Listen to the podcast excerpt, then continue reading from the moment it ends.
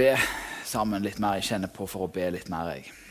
Kjære Jesus, jeg takker deg, Herre, fordi eh, du er her. Eh, du er her for å sette oss eh, i frihet. Du er her for å trøste oss. Du er her for å helbrede oss. Du er her for å gi oss nytt mot og for å gi oss ny retning. Jeg bare ber om at du skal være med oss nå, Herre, i denne stunden. Eh, og så skal jeg også bare lufte fram for deg eh, konflikten mellom Russland og Ukraina. Jesus. Du ser at eh, alle mediene forteller oss at dette, dette, dette, ser ikke bra ut. Men takk, Herre, at du kan løse opp i umulige situasjoner. Du har gjort det før. Man ber om at fredsskaperne kommer inn nå, Jesus, sånn at, sånn at det kan bli fred, Herre. Det ber vi om. Og at det ikke skal ber jeg om at vi ikke skal være grepet av frykt, men at vi kan hvile i den tryggheten om at vi tilhører deg i liv og i død, Herre.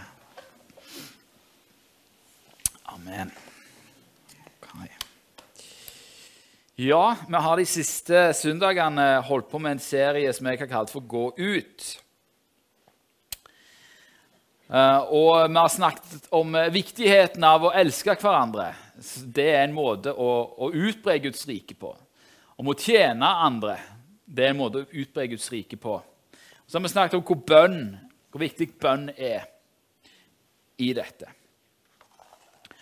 Når felles for både det å elske hverandre, tjene andre mennesker og, og det å be, det er at det er ikke spesielt kontroversielt ute i samfunnet.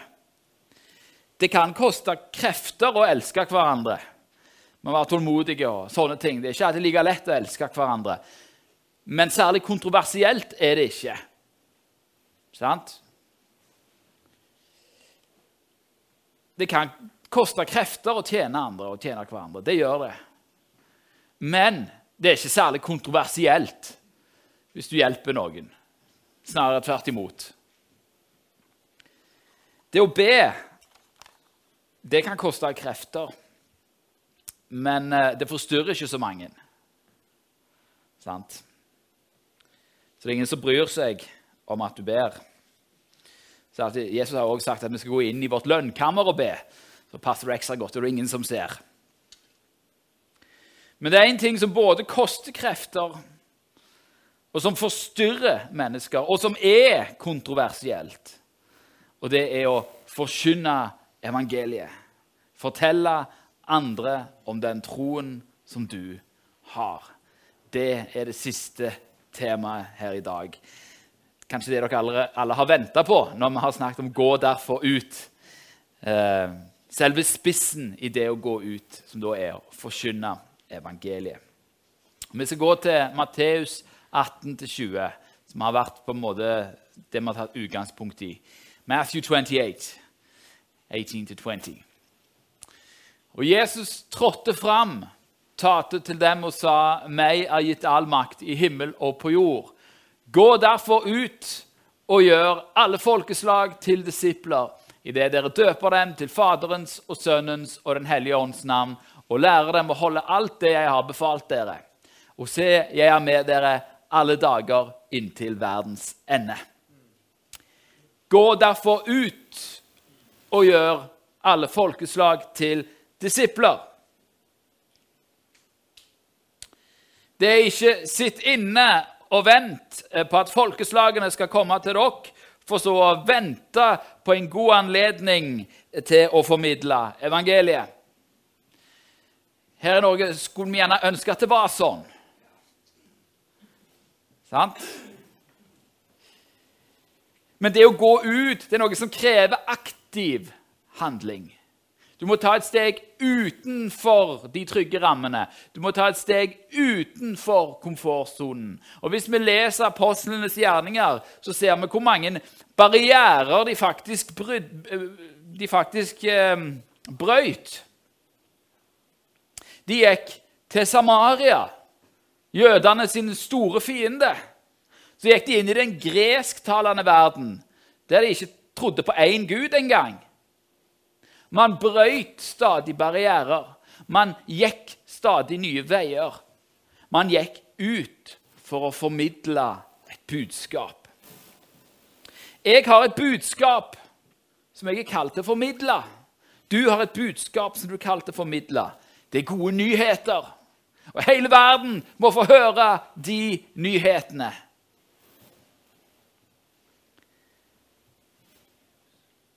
Men hele verden vil ikke høre de nyhetene med mindre vi er vi som Guds folk oppsøker verden for å fortelle. Men det å formidle evangeliet til de som ikke tror, det krever noe av oss. Spesielt i dette landet så krever det noe av oss. For det er ikke populært å formidle evangeliet. Det møter motstand fordi det utfordrer mennesker. Sant? Evangeliet forteller jo at alle mennesker er syndere, men at det fins frelse i Jesus Kristus. Det forteller at alt det du søker etter, det er ingenting. Det er bare Gud som kan fylle dine behov. Og Folk sier jo at eh, det, nei, Bibelen og budskapet med Jesus det er utdaterte eventyr, eller så er det en undertrykkende tro. Men det er ikke det. Det er Guds kraft til frelse. For meg og for deg og for alle mennesker. Men det å ta det steget ut, det krever noe av oss. Og for en nordmann som er blitt opplært til å tenke at du skal passe dine egne saker, og du skal ikke blande deg inn i hva andre folk tenker å gjøre, og du skal for enhver pris beholde freden, så er det vanskelig. Det er vanskelig i en kultur der man ikke snakker sammen på bussen. Og Hvis det er noen, du kommer inn på en buss, og det er én mann på bussen, og han sitter der, så setter du deg så langt vekk fra den personen som du kan. Det er norsk kultur, for du skal for all del ikke forstyrre personen. Og Hvis du mot formodning skulle, skulle gått og satt deg på sida av han, så kommer han til å bli helt perpleks. Hva er det som skjer? Så det, selve ideen om å forkynne et budskap som ikke er spesielt populært, som ikke er i vinden, det kan virke skremmende. Det er her vi må huske da, det som rammer misjonsbefalingen inn. At det er meg er gitt all makt i himmel og på jord, og så jeg er med dere alle dager inntil verdens ende. Han er med oss òg i det å formidle evangeliet.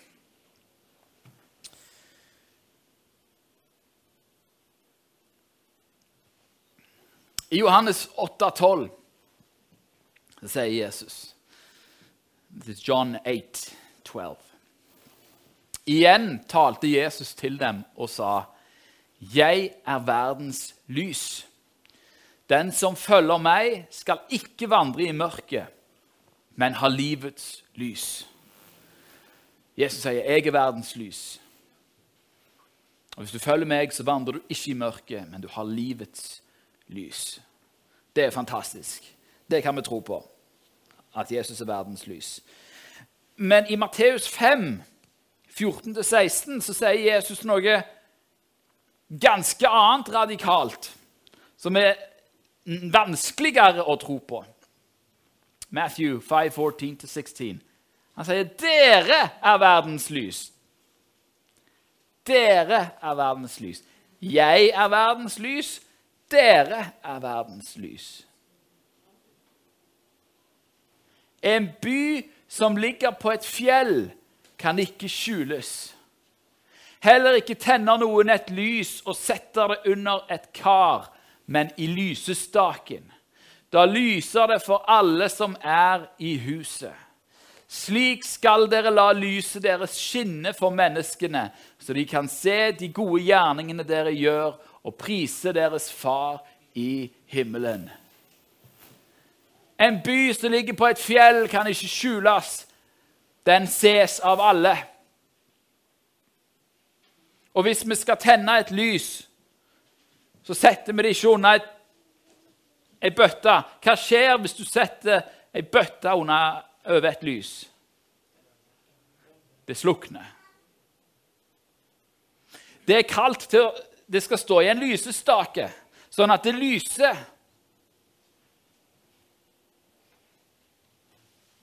Og sånn skal vi la det lyset som bor i oss, skinne for mennesker. Det som står her, er ikke en, en, eh, en oppfordring til å sitte stille. Det er en oppfordring til å gå ut. Og det er skummelt. Det vet jeg.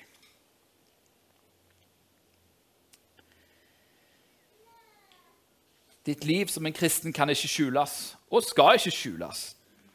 Det er ment å lyse for menneskene. Eh, men Thomas, sier kanskje du, eh, dette snakker jo ikke om å forkynne evangeliet. Det snakker om gode gjerninger. Ja, det er helt sant. Det er helt sant det at Akkurat dette her snakker jo om at de gode gjerningene som vi gjør, skal, ja, skal vi gjøre sånn at det blir sett. Um, og En annen plass advarer jo Jesus om å gjøre gode gjerninger for øynene på folk. Men, men uh, det, det, er helt sant at dette her primært handler om de gode gjerningene. Men prinsippet ligger der om at byen som ligger på fjellet, kan ikke skjules. Lyset skal skinne. Senere i Matteus skal vi se at dette prinsippet det gjelder også for å forkynne evangeliet. Men vi kan jo eh, se hva Paulus sier først, for han også snakker om lys. 2. Korinterbrev 4-6. 2 Corinthians 4, 4 verse 6. For Gud, som bød at lys skulle skinne fram i mørket, han har også latt lyset skinne i våre hjerter. Sant? Jeg er verdens lys, dere er verdens lys. For at kunnskapen om Guds herlighet i Jesu Kristi åsyn skal lyse fram. Så kunnskapen om Guds herlighet, kunnskapen om hvem Gud er, den skal lyse for alle mennesker. Så dette handler ikke bare om de gode gjerningene, dette handler òg om det å forkynne evangeliet. Og Der Jesus virkelig poengterer dette, her, er i Matteus 10, i Matthew 10. Hele det kapittelet er, er skummelt å lese. Jeg syns, det er skummelt å lese. Dere må ikke tro at jeg, er, jeg er jo nordmann, jeg òg. Um, I Johannes 10 så, så er det første gang Jesus sender ut sine disipler for å forkynne evangeliet. Uh, og Der sier han en del om hvordan uh, de skal gjøre når de kommer inn i en by. Uh, og sånt. Og så sier han noe om at han eh, 'Jeg sender dere eh, blant eh, Som får iblant ulver'. Det er Good times! Jeg vil ikke være en sau som går inn i en ulveflokk. Men det er det Jesus sier. 'Jeg sender dere som får blant ulver'. Og så eh, snakker han om hvordan folk kommer til å bli arrestert, bli straffa og forfulgt. Og hvordan vi som tror på Jesus, skal bli hata for hans navns skyld. Og så sier han da i vers 26 Vi skal lese helt til 33, men vi skal begynne her. Etter å ha sagt om alt den motstand som de kommer til å møte, så sier Jesus Frykta ikke for dem.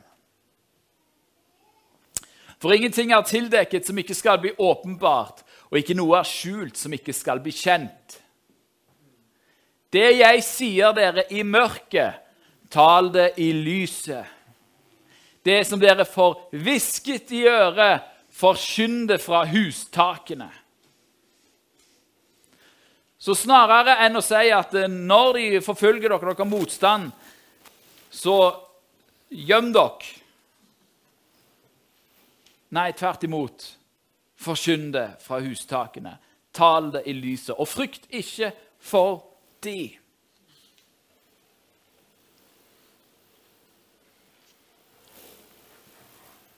Dette er utfordrende.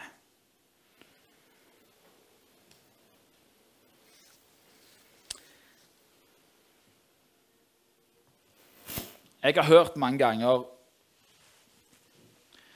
Nesten som et sånn svar til, til til Når jeg må da påpekt at ja, men vi må jo liksom forkynne evangeliet, eh, så har noen sitert Frans av Assisi og sagt jeg skal forkynne evangeliet om nødvendig med ord. Og Det, det høres veldig fint ut. Uh, og så misbruker man det Frans av Assisi der sier.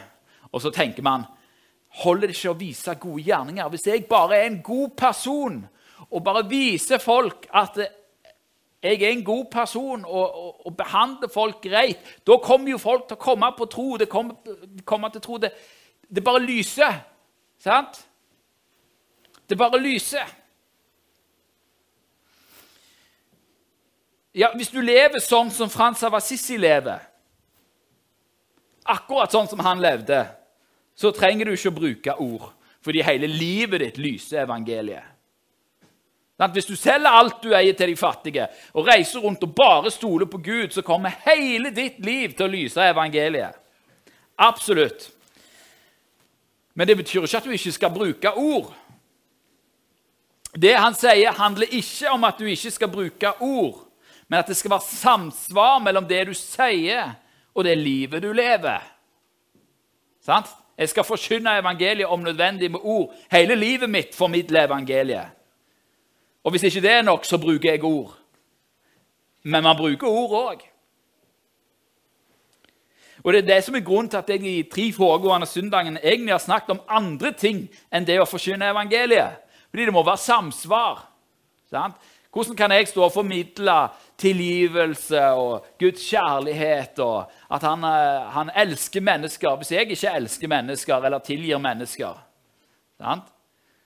Hvordan kan jeg si at ja, Jesus bryr, meg, bryr, seg om deg, hvis ikke jeg bryr meg om deg?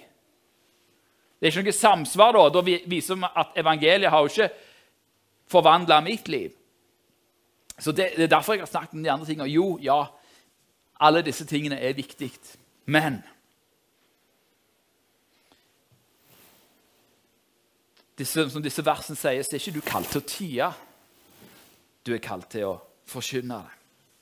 Og Jesus vet at dette koster. Derfor sier han 'frykt ikke'. Og mellom, I versene 26-33 så sier han 'frykt ikke' tre ganger. Bare sånn for å poengtere at han vet at dette er skummelt. Han vet at du er redd.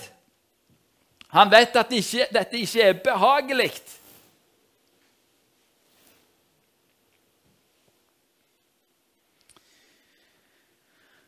Frykt det er et av fiendens mektigste våpen. Eh, og Grunnen til det er fordi at det får oss til å sitte stille. Det får oss til å være passive. Men det å kjenne på frykt det betyr bare at du får muligheten til å utvise en egenskap som vi snakker ikke så mye om, men det er mot eller frimodighet. Det å kjenne deg redd betyr ikke Altså, Det å kjenne på frykt det er ikke en synd. Det, det er viktig å poengtere. Vi kan bli redde. Alle kan bli redde. Men vi trenger ikke å handle på frykten. Når du handler imot frykten, så blir du frimodig. Da utviser du mot. Du kan ikke være modig uten at du er redd.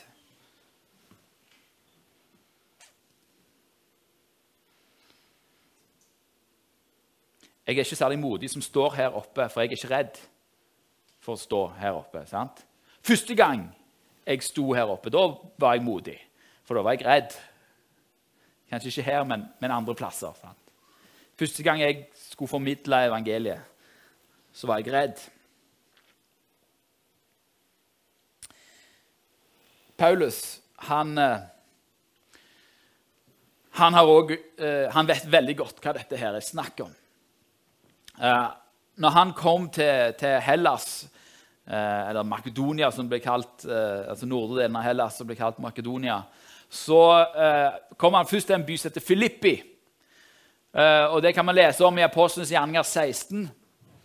og Der sier han at altså der ble de der ble de slått med stokker og satt i fengsel når Paulus og Silas synger lovsanger og fengslene åpner seg. Altså, de hadde, de hadde blitt mishandla av styresmaktene. De hadde blitt slått, fått stokkeslag. Og så, sier, og så drar de fra Filippi til Tessaloniki. Eh, og det er jo dette her er da skrevet til tessalonikerne. This is first Thessalonians 2.2. Um, det er en sånn ca. to to-tre dager å gå fra Filippi til Tessaloniki. Da hadde de det i bagasjen. De hadde blitt slått og banka opp og satt i fengsel.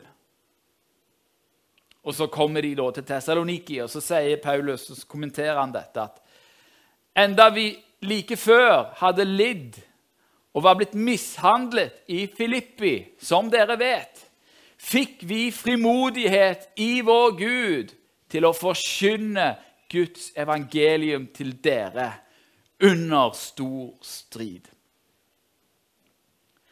Legg merke til at eh, motet kom heller ikke av de sjøl. Det kom fra Gud. Det kom fra Den hellige ånd. De fikk mot til å gå.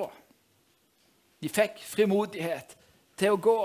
De fikk frimodighet til å ta steget ut. Til å forskjønne Guds evangelium. De hadde lidd, de hadde blitt mishandla i, i Filippi, men de fikk frimodighet allikevel til å gå. Formodigheten kom fra Gud. Alle andre egenskaper alt, altså det, Jesus har lovt at han skal være med oss. Sant? Så Derfor så er han jo med oss der òg, der vi syns det er skummelt. Så kan vi gå. Uh, I vers, uh, versene videre, uh, skal vi se fra i Matteus, så er vi da i vers 28. Så begynner Jesus å sette ting i perspektiv.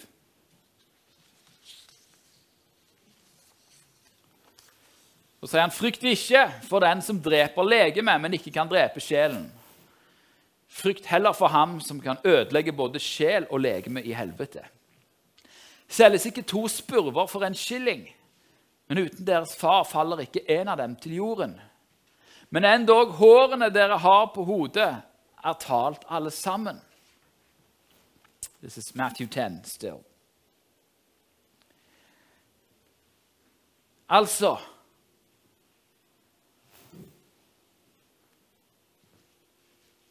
Hva, er viktig i livene våre? Er det viktig å beholde æren? Er det viktig å ha et godt rykte? Eller er det viktig med Guds ære og hans rykte? Hva er det som kommer til å vare? Hva er det som uh, varer til slutt? Jesus sier her, og det er steinhardt det Jesus sier Det er litt skummelt å stå her og forkynne det. Og jeg kjenner det sjøl. Det er jo mye, like mye til meg sjøl, dette. Ikke vær redd for de som kan slå deg i hjel. De kan ikke gjøre noe, men du skal frykte for Han, som kan ødelegge både sjel og legeme. Det som betyr noe, er jo ikke Det som betyr noe, er jo ikke om du, om du er populær her i denne verden for du skal forlate denne verden. Det kommer til å skje. Men den neste verden, den er evig.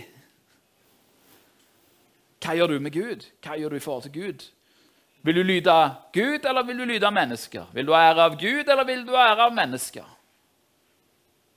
Og så sier jo her, Jesus også her, for å trøste oss i dette, at To spørver de selges for en skilling, men, men og, og, og, altså En spurv er en spurv, og ingen av dem faller til jorda uten at far, far sin vilje er med i det. Men han har telt alle hår som vi har på hodet. Derfor skal vi ikke frykte. For vi er mer verd enn mange spurver. Derfor kommer vi ikke til å dø før Gud har tillatt det. Vi kommer ikke til å dø før Gud har tillatt det. Han vil bevare oss inntil det er tid.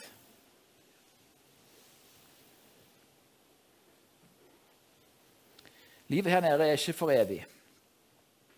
Men hvordan vi forholder oss til Gud, det har evighetsverdi.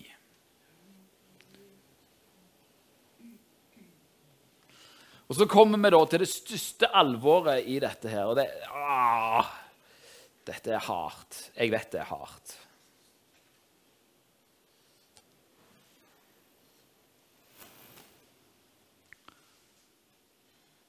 Dere er mer verd, ja. Derfor vær den som bekjenner meg for menneskene. Ham skal også jeg kjennes ved for min far i himmelen. Men den som fornekter meg for menneskene, ham skal også jeg fornekte for min far i himmelen. Au! Den gjør vondt. Betyr det at jeg må si at jeg er kristen da, hvis jeg får spørsmålet? De første kristne de sa ja til det spørsmålet. Faktisk så er det romerske offiserer som skriver til hverandre når de sier liksom, hva skal vi gjøre med disse kristne. Det er jo ikke lov å være kristen. Um, så sier de ja, men uh, hvis du stiller de spørsmålet direkte, så vil de aldri svare nei. De vil aldri nekte for at de er kristne. Det er det romere som skriver. Så var det noen som sa nei og, og, og det, det, er mange historier om det òg. Men tanken var hvis noen spør meg om jeg er kristen, om jeg tilhører Jesus, så svarer jeg ja. Ja, det er jeg. Ja, det gjør jeg.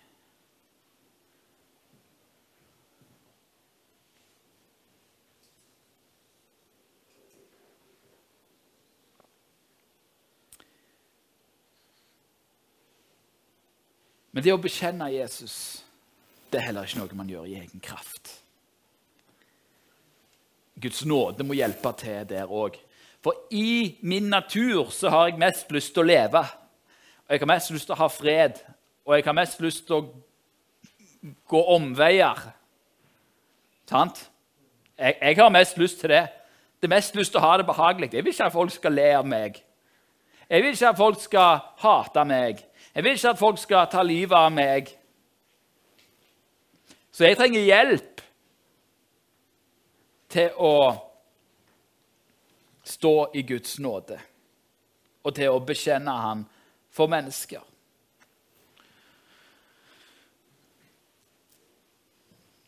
Peter han hadde òg hørt dette. Den som bekjenner meg for mennesker, han skal jeg kjennes ved for min far i himmelen. Men den som fornekter meg for mennesker, han skal òg jeg fornekte for min far i himmelen. Og Peter han fornekta Jesus ikke bare én gang, men tre ganger.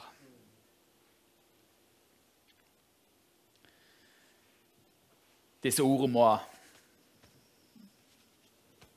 hamres inn i ham. Men så kommer Jesus. Når Jesus står opp igjen, så møter han Peter, og så får så spør han Peter tre ganger. Det står i Johannes evangelium. 'Elsker du meg, Peter?' Og så sier han ja. Ja. Ja. Så får han tre ganger gjort opp. Så Jesus, han kommer med nåde. Vi trenger nåde. Og Seinere blir jo Peter nettopp den som frimodig står på, som både ut, blir både banket opp og hudstrøket og alt mulig. Og til slutt så lider han døden.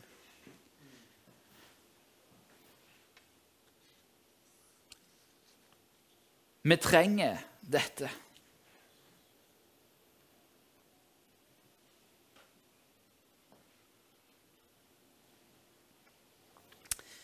Vet de på jobben at du er kristen? Vet nabolaget ditt at du er kristen?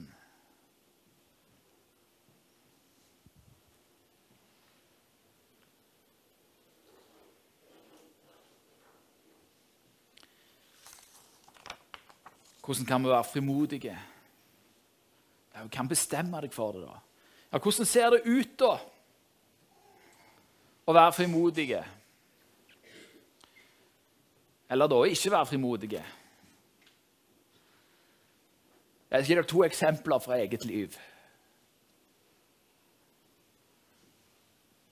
Eh, jeg var lærer eh, på Kongsgård en periode. Og så fikk jeg da spørsmålet Eller eh, det var før jeg var gift, så jeg, bare forlova og sånne ting. Og så spør da sjefen min da, spurte meg ja, dere skal gifte dere. Ja, bor dere sammen? Da har jeg jo anledningen. Ser dere, ser dere gavepakken jeg får? Da kan, jeg, da kan jeg si nei, vi er kristne. Så vi, vi, tror, på, vi tror ikke på sex før ekteskapet. Istedenfor så sier jeg nei, jeg er litt sånn tradisjonell på det området.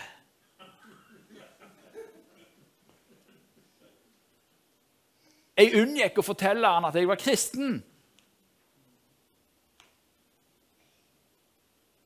Jeg, snakket, jeg var litt sånn tradisjonell.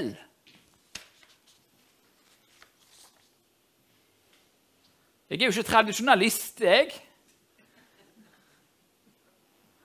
Det er ikke derfor Det er ikke derfor at jeg ikke bodde sammen med kjæresten fordi jeg var opptatt av tradisjoner. Jeg gjorde det fordi jeg er frelst, fordi jeg tror på Jesus. Så måtte jeg bekjenne det for Herren, da, og så fikk jeg fortalt han siden at jeg var kristen. Så han bare fikk gjort det opp. Men jeg kjente det. Der feiga jeg ut. Jeg feiga ut noe skikkelig. Um, når jeg begynte å studere i Oslo, da feiga jeg ikke ut. Uh, da uh, begynte jeg på masterstudiet, og så var, satt jeg der i et svært auditorium, 80 mann. Uh, og jeg hadde tatt på meg den største Jesus-T-skjorta som jeg kunne finne for denne anledningen. og så, var det sånn, så fikk vi en utfordring. Ja, Vi skulle si hva vi skulle skrive om, og så skulle vi si én ting som var spesielt for oss. En ting som, er, som, var spesielt med oss, som er opptatt av interesse, et eller annet, sånn, som, sånn at de kunne huske, huske hverandre. 80 mann. sant? Så skal vi presentere én ting som vi skal skrive om, eller dem skal skrive om, og et eller annet som er spesielt med oss. Og jeg tenker, ja, ja, Her er det bare å heise flagget til topps. Ja, så jeg sa jeg skal jeg skrive om, og så, sa jeg, og så er jeg over middels religiøs. sa jeg. Og Der sto jeg med den store Jesus-T-skjorta. Da fikk det store latter til eh, ja, da, da lo alle godt og syntes det var festlig. Og sånn, sånn. Og så hadde vi fått plassert det. Hva gjorde jeg de neste to ukene, tror du? Jeg snakket om evangeliet hele tida. Fordi folk vil jo vite og spørre. To uker satt jeg og måtte forsvare evangeliet. da. Men, men, det var liksom Ja, det var gjort. I på stand. Ingen, ingen var i tvil om hvor jeg sto i ting.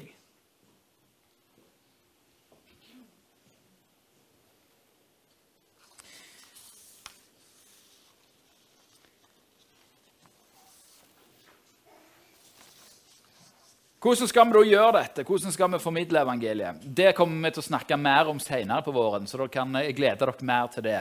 Jeg skal ikke gå inn i detaljene her på dette nå. Men det vi må huske, gode venner, brødre og søstre, det er at du er ikke først og fremst norsk eller jærsk. Du er først og fremst en del av Guds rike. Det er der vår lojalitet ligger. Og kulturen i Guds rike det er at vi er veldig åpne med hva vi har. Fordi vi er i et rike som skal utbres, som skal forkynnes for alle folkeslag. Det, det er den vi er. Og så, er det jo, eh, så skal vi bruke visdom og være smarte i å formidle evangeliet. Eh, og Jeg skal gi mange eksempler på hvordan og på hva forskjellige måter. og Tips, tips og triks i boka, eh, men det kommer senere denne våren. Det skal jeg ikke bruke eh, dagen i dag på. Det jeg vil gjøre, er å på en måte oppsummere litt av det som har vært igjennom dette, med det å gå ut. Vi vil utbre evangeliet, så er det viktig at alle disse fire tingene som jeg har snakket om, det å elske hverandre og tjene mennesker. Det å uh, ja, elske hverandre, det å tjene hverandre, det å be og det å forkynne eller vitne om, om hva du tror på. Eh, det er viktig at vi som menighet gjør alle disse tingene. Og så er det jo sånn da at det, det er ikke alle som gjør like mye av alt. Er dere med på den? Det er ikke sånn at alle skal være ute på gata hele tida. Men det er noen som skal det.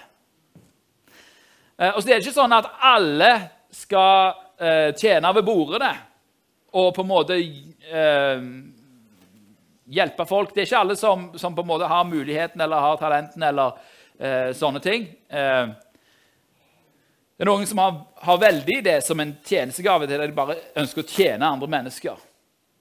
Mm, så, så, det er ikke sånn at alle skal gjøre det hele tida, men det er noen som skal gjøre det. Og så er det ikke alle som nødvendigvis er de der bønnekjempene som på en måte alltid bare lever i bønn og lever i bønn og lever i bønn. Men det er noen som skal gjøre det. Og så er det det å elske hverandre. Det skal vi alle gjøre. Og så er det noen som er veldig gode å elske mennesker. Og så er det andre som ikke er så glad i folk, rett og slett. Vi er forskjellige. Men det er noen som virkelig skal elske hverandre. Men selv om jeg har mer av det eller mindre av det, så betyr ikke det at eh, ja, nei, jeg konsentrerer meg bare om å tjene mennesker, så slipper jeg det der å forkynne. Nei, det er ikke sånn. Eller jeg konsentrerer meg bare om å forkynne, jeg. Så kan de andre ta seg av det å tjene andre mennesker. Nei. Nei, det er ikke sånn. Nei, jeg, jeg skal bare be, jeg. Be. Og så kan andre forkynne og sånne ting. Så kan jeg be. Be trygt, så kan jeg sitte hjemme. Så, så, da kan jeg sitte på bussen og ikke forstyrre noen. Nei, det er ikke sånn det er. Men vi er vi, har, vi lever i dette her i forskjellige grader og i, til forskjellige tider. Sant? Hvor er jeg hen akkurat nå? Jo, jeg er jo mer i den der enn Hvis jeg tar helt uh, her sant? Og lærer de å holde alt jeg har befalt dere. Det er det jeg holder på med nå. Sant? Jeg er i den akkurat nå.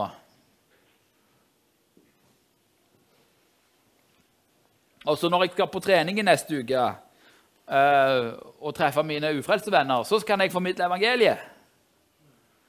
Sant? Så det, det handler om, om, å på en måte dette her er ikke byrder som jeg ønsker å legge på dere. Men jeg vil bare at du skal vite at i enhver situasjon som du er i, så kan du utbre evangeliet. Du kan tjene andre mennesker. Det utbrer evangeliet. Du kan elske mennesker. Det utbrer evangeliet. Du kan be for mennesker. Det utbrer evangeliet. Men ikke glem å faktisk òg forkynne ordet. Fordi troen kommer av forkynnelsen. Det er det jeg tror jeg vil avslutte med i dag. Og så vil jeg eh, si noen ting eh, mot slutten. Og det må vi heller aldri glemme oppi dette her. Det at eh, vi skal feire nattverd nå snart. Og det er at vi det er, det er det som skjer her, som er grunnlaget for alt vi gjør. Det er ikke sånn at hvis du ikke klarte å forkynne eller klarte å, å, å, å be eller klarte å tjene eller faktisk òg klarte å elske, så er det, ja, da er det ute med deg, du er ubrukelig. Nei, det er Guds nåde som er fundamentet i det vi holder på med. Men det er når det som, som skjer her, når Jesu eh, offer, det er forsoningsverket Når den kjærligheten treffer deg så forvandler det livet ditt. Og så får du lyst til å fortelle andre om det. Du får lyst til å dele det med andre. Det handler ikke om at du skal være flink pike eller flink person.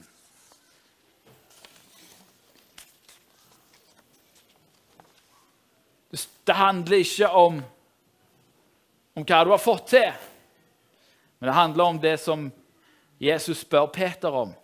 Elsker du meg? elsker du meg.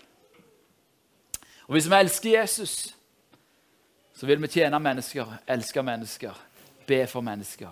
Og vi vil forkynne evangeliet. Det er sannheten. Skal vi be sammen, og så skal vi feire nattverd etterpå. Kjære Jesus, jeg takker deg, Herre, for at vi er kalt til å forkynne ditt evangelium.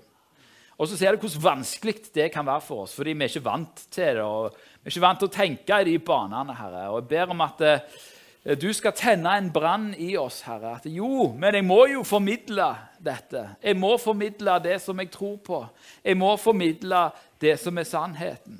Jeg må formidle den, eh, den Jesus som jeg har funnet, og som jeg elsker. Så ber jeg Herre om at eh, hvis ber jeg om at du skal ta av byrden av dette her òg. Fordi at eh, dette hjelper ikke hvis det bare blir en tung byrde. Nei, Du har sagt at du tar byrden. Skal vi følge etter deg? Vi bare ber om at du skal, skal ta vekk all skam med dette her. Og skam over at vi ikke får det til, men at, kan, eh, men at du skal oppmuntre oss til å, til å følge deg der du der du har uh, gått og på en måte gi, gir oss uh, noen små hint uh, om hva vi skal gjøre videre, og hva vi kan gjøre annerledes. Herre. Så ber jeg om at du skal gi oss styrke og kraft i de neste uka til å være lys i denne verden. På alle måter det går an å være lys på. I ord, i handling, i bønn. Kjære Jesus, takk for det. Mm. Amen.